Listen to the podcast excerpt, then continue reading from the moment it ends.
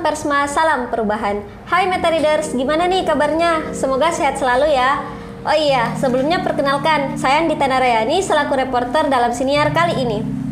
Nah, di episode kali ini kita akan membahas salah satu topik yang cukup digaungkan, yaitu feminisme. Pada siniar kali ini tentunya kita tidak sendirian, karena pada kesempatan kali ini kita kedatangan tamu sekaligus narasumber dari komunitas feministik.id. Nah, uh, mungkin boleh say hi ke kamera dulu kak. Halo, selamat sore teman-teman semua yang ada di sini dan juga yang sedang menonton uh, tayangan ini nantinya. Nah, sebelumnya mungkin dari teman-teman Metatalk ada yang belum uh, mengenal kakak dan komunitasnya nih kan, uh, boleh perkenalan dulu mungkin? Baik, boleh terima kasih Kak Dita. Oke, uh, eh, jadi teman-teman perkenalkan nama saya Inditi Amanda Syahrir, biasa dipanggil Indi atau Amanda, tapi lebih akrab disapa Indi aja. Oke, jadi saya dari komunitas uh, Feministik ID, ya, dan uh, saya bertempat berlokasi di Makassar. Nah, berbicara soal feminisme nih, uh, mungkin beberapa teman-teman uh, yang masih mendengarkan masih banyak belum tahu uh, seperti apa sih gerakan feminisme itu? Mungkin uh, dari Kak Indi boleh dijelaskan dulu mungkin. Oh ya boleh. Jadi kalau menurut saya feminisme itu uh, merupakan sebuah paham atau ideologi yang menyatakan persamaan hak antara laki-laki dan perempuan. Seperti itu kak. Dan juga uh, feminisme itu berasal dari kata femina yang artinya keperempuanan. Gitu. terus seperti itu kak jadi bisa disimpulkan feminisme itu merupakan hal yang mendefinisikan membangun uh, dan mencapai kesetaraan gender di berbagai lingkup baik itu politik, uh, ekonomi, pribadi dan sosial. Nah, uh, kebanyakan orang misko miskonsepsi soal hal ini. Nah, uh, terus nih Kak, dari beberapa informasi yang kami temukan di internet ataupun sosial media, ternyata feminisme ini banyak alirannya kan. Nah, mungkin uh, Kakak bisa jelasin uh, beberapa aliran mungkin. Uh, Oke, okay, jadi kalau uh, dari saya feminisme itu uh, ada banyak alirannya, yaitu yang pertama feminisme liberal, feminisme uh, marxis, komunis, feminisme sosialis itu yang ketiga, kemudian ada feminisme radikal dan yang lalu ada feminisme anarkis dan yang terakhir itu yang terakhir itu feminisme postmodern seperti itu kak. Uh, mungkin saya lebih menyederhanakan aja ya kalau dari sudut pandang saya. Tiap orang itu bisa jadi seorang feminis kak. Kenapa? Dan juga banyak alirannya. Jadi uh, seperti saya saya misalnya saya uh, seorang feminis yang mana lebih menggaungkan atau mengkampanyekan terkait isu-isu kekerasan seksual misalnya. Sedangkan kalau teman saya yang lain lebih menggaungkan isu-isu tentang uh, persamaan hak antara uh, perempuan laki-laki dan perempuan di lingkup politik, ekonomi misalnya kayak yang pekerja rumah tangga gitu, pekerja buruh seperti itu. Itu banyak macam-macamnya alirannya feminisme seperti itu, Kak. Nah, karena feminisme ternyata banyak alirannya, lantas uh, komunitasnya Kakak uh, alirannya lebih ke arah mana sih?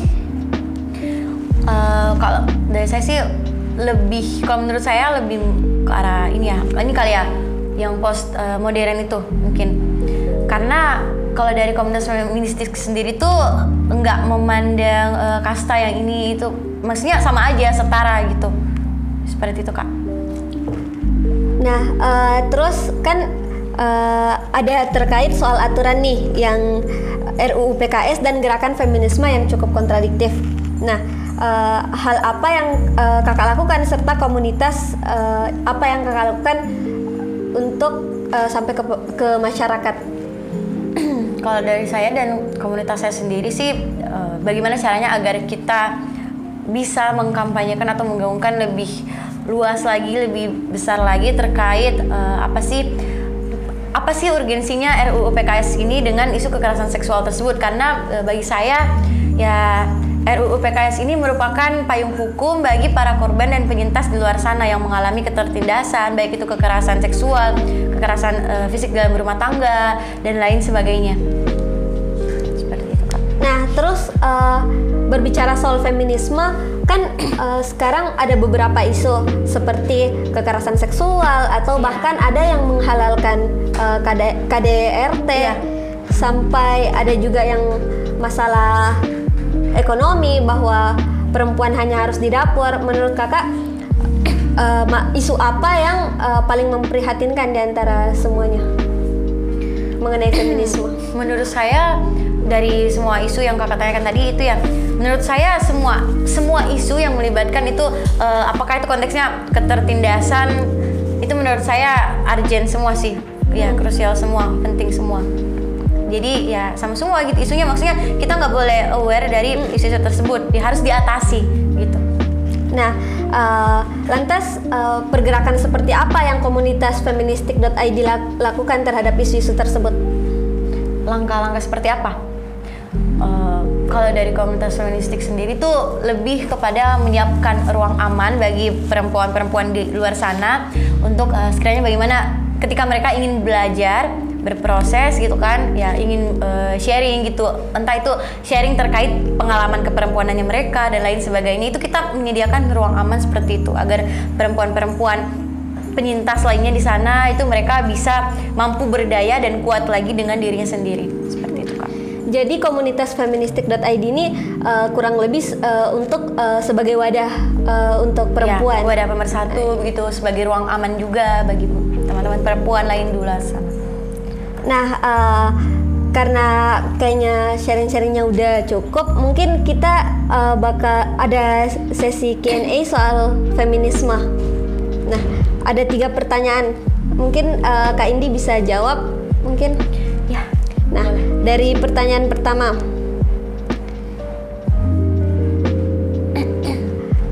Apakah toxic masculinity itu masih ada hubungannya dengan feminist movement? Hmm, toxic masculinity dengan feminist movement ya? Iya. Kalau menurut saya gini, jadi uh, kita melihat dulu konteksnya seperti apa. Nah, toxic toxic masculinity ini uh, seperti yang orang-orang pahami gitu ya bahwa laki-laki contohnya laki-laki ini nggak boleh nangis. Laki-laki itu nggak boleh nangis di hadapan umum ketika uh, ada memiliki masalah. Terus uh, laki-laki nggak boleh memakai baju warna pink misalnya begitupun sebaliknya. Nah kalau menurut saya uh, apa hubungannya dengan pergerakan uh, feminisme itu? Menurut saya relate sih karena kenapa? Uh, feminisme ini dia tujuannya agar supaya uh, semua gender itu setara. Jadi jadi gini loh kak laki-laki tuh boleh-boleh aja ketika dia ingin uh, mengeluarkan ekspresinya mengeluarkan emosinya di saat ia sedang terpuruk sedih. Nah kan biasa ada tuh uh, stigma yang berkata bahwa laki-laki nggak boleh nangis di depan umum laki-laki tuh nggak boleh pakai baju warna pink laki-laki nggak boleh main uh, boneka nggak nggak boleh coba belajar tentang terkait make up atau masa-masa itu menurut saya boleh-boleh aja kenapa enggak gitu kan? Maksudnya kan kita sama-sama manusia sama-sama individu yang berkembang gitu hanya saja yang membedakan mungkin jenis kelaminnya seperti itu. Jadi uh, nggak menutup kemungkinan bahwa setiap orang bisa melakukan apa yang ia mau apa yang ia inginkan. Karena ya kita memiliki kapasitas yang sama dan kenapa tidak gitu kan? Iya. Karena selagi itu nggak merugikan orang iya. lain. Ya. karena faktanya manusia diciptakan uh, sederajat. Laki-laki ya. dan perempuan memiliki hak dan kesempatan yang setara dalam ya. kehidupan. Betul itu. kan Nah, pertanyaan kedua, uh, bagaimana cara kita kaum milenial untuk merubah budaya patriarki dan misoginis di Indonesia? Uh, bagaimana caranya agar supaya kita mengubah budaya patriarki dan misoginis di Indonesia ya kak ya? Kalau menurut saya, uh, gimana caranya kita berubah budaya patriarki itu dengan cara dari diri kita sendiri dulu begitu kan ya kenapa karena dewasa ini kita hidup di kalangan yang mana budayanya itu patriarki banget contoh hal contoh, contoh kecil aja dari dari uh, keluarga kita misalnya kan. Keluarga kita yang memang itu pasti misalnya dari ayah ibu kita atau kakek nenek itu masih minim terkait edukasi semacam itu mungkin ya di mas di masanya mereka. Kalau di masanya kita kan udah beda lagi kan. Segala akses uh, pengetahuan itu dapat kalau di masa kita sekarang. Nah bagaimana cara kita mengubahnya itu bermula dari diri kita sendiri dulu. Kita berusaha edukasi diri kita dengan lebih baik lagi berusaha aware dan tidak menutup pikiran kita atau kalau bisa sih kita berusaha untuk open minded ya terhadap hal-hal yang baru. Tetapi tetap kembali lagi kita harus uh, memfilter apakah hal tersebut baik atau buruk untuk diri kita begitu dan dan uh, setidaknya setelah kita menerapkan itu untuk diri kita sendiri kita berusaha untuk uh, mengedukasi orang-orang sekitar kita. Ya mungkin dari keluarga kita dulu uh, saudara kita teman-teman terdekat mungkin di lingkungan sekitar kita. Nah kalau sudah seperti itu kan uh, kita istilahnya gini kita bisa dan mampu mengubah pikiran-pikiran orang lain e, kenapa tidak gitu kan? Maksudnya dari diri, diri kita sendiri dulu seperti itu kak. Itu kalau dari kalangan uh, pria patriarki dan dari komunitas feministik sendiri juga kita selalu mengkampanyekan bahwa uh, terkait terkait feminisme itu apa dan apa sih ini kalau patriarki itu seperti apa seperti yang mana. Di situ patriarki itu uh, laki-laki do, lebih dominan daripada perempuan gitu. Ada ada uh, ketimpangan relasi kuasa di antara itu. Dan kalau misoginis nah sama misoginis itu kan uh, artinya ya merupakan satu istilah yang mana membenci perempuan gitu. Ya, seperti itu kak. Contoh hal kecilnya ini aja gitu. Di lingkungan sekitar kita contohnya dalam lingkup organisasi ya di situ kita sering kali melihat bahwa ketua umum tuh selalu saja laki-laki diposisikan sebagai laki-laki nggak pernah nggak pernah tuh maksudnya bukan nggak pernah jarang ada perempuan yang diposisikan sebagai ketua umum jarang banget. Pasti perempuan tuh dapatnya bagian sekretaris umum bendahara umum seperti itu jarang banget tuh. Kita melihat perempuan naik jadi ketua umum misalnya di lingkup organisasi ya jarang banget seperti itu. Nah itu berarti membuktikan satu hal bahwa uh, stigma itu mengakar kuat, stigma patriarki itu mengakar kuat bahwa perempuan tuh masih belum berkompeten, masih belum bisa berkapasitas sama seperti laki-laki pada umumnya bahwa perempuan itu uh, harusnya jadi manusia nomor dua aja lah. Kenapa seperti itu dan kenapa jarang sekali ada perempuan yang ingin maju maksudnya kayak lebih meng, uh, push gitu kan potensi dirinya kenapa karena ya mungkin dari uh, lingkup edukasinya mungkin ya si perempuan itu yang mana kalau kalau apa kayak edukasi menyeluruh misalnya potensi-potensi yang lebih-lebih itu pasti selalu laki-laki yang dapat. Nah, kenapa kita perempuan tidak berani mencoba? Intinya sih kita harus mencoba dulu, berusaha dulu, dan bagaimana caranya kita agar supaya uh, terbuka pikiran kita bahwa perempuan itu bisa juga berdaya dan berpotensi lebih daripada laki-laki. Nah, itu itu penting sekali sih kenapa?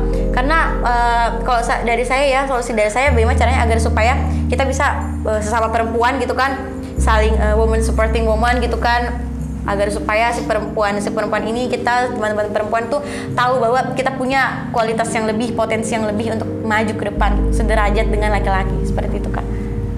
Nah, bisa jadi catatan nih buat meta readers uh, bahwa per, uh, perubahan dan edukasi bisa dimulai dari diri sendiri dulu. Yeah.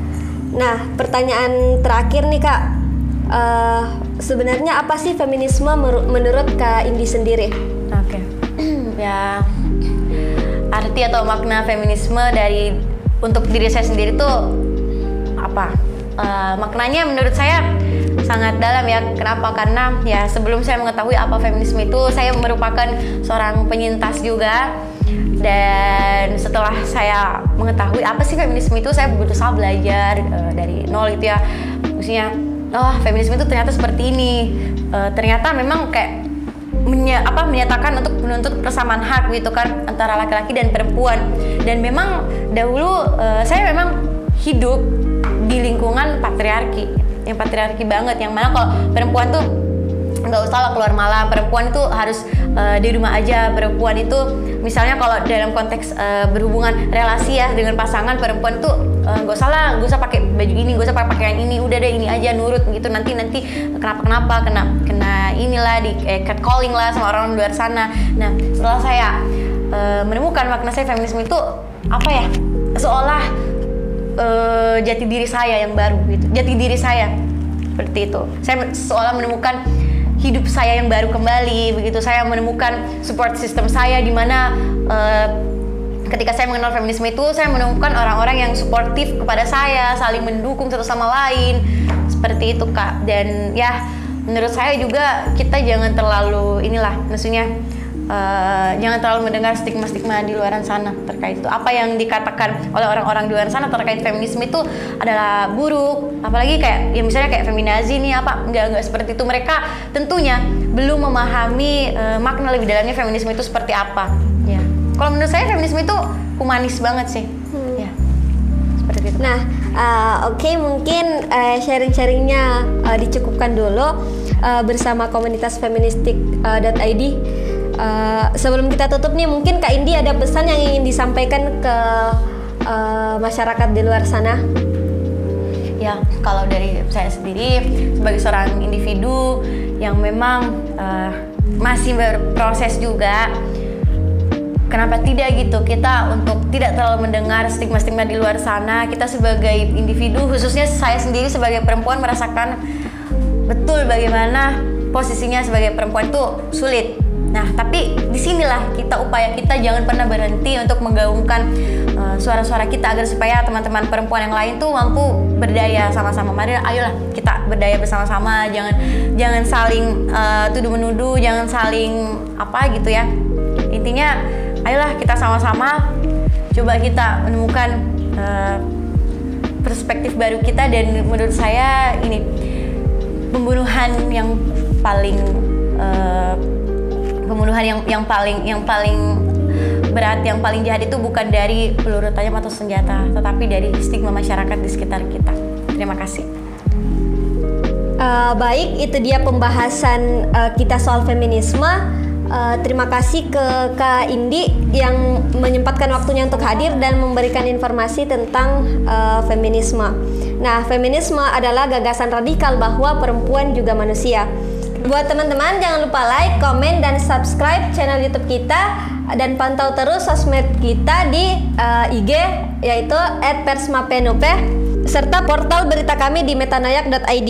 Saya Andita Narayani pamit undur diri. Salam Persma, salam perubahan.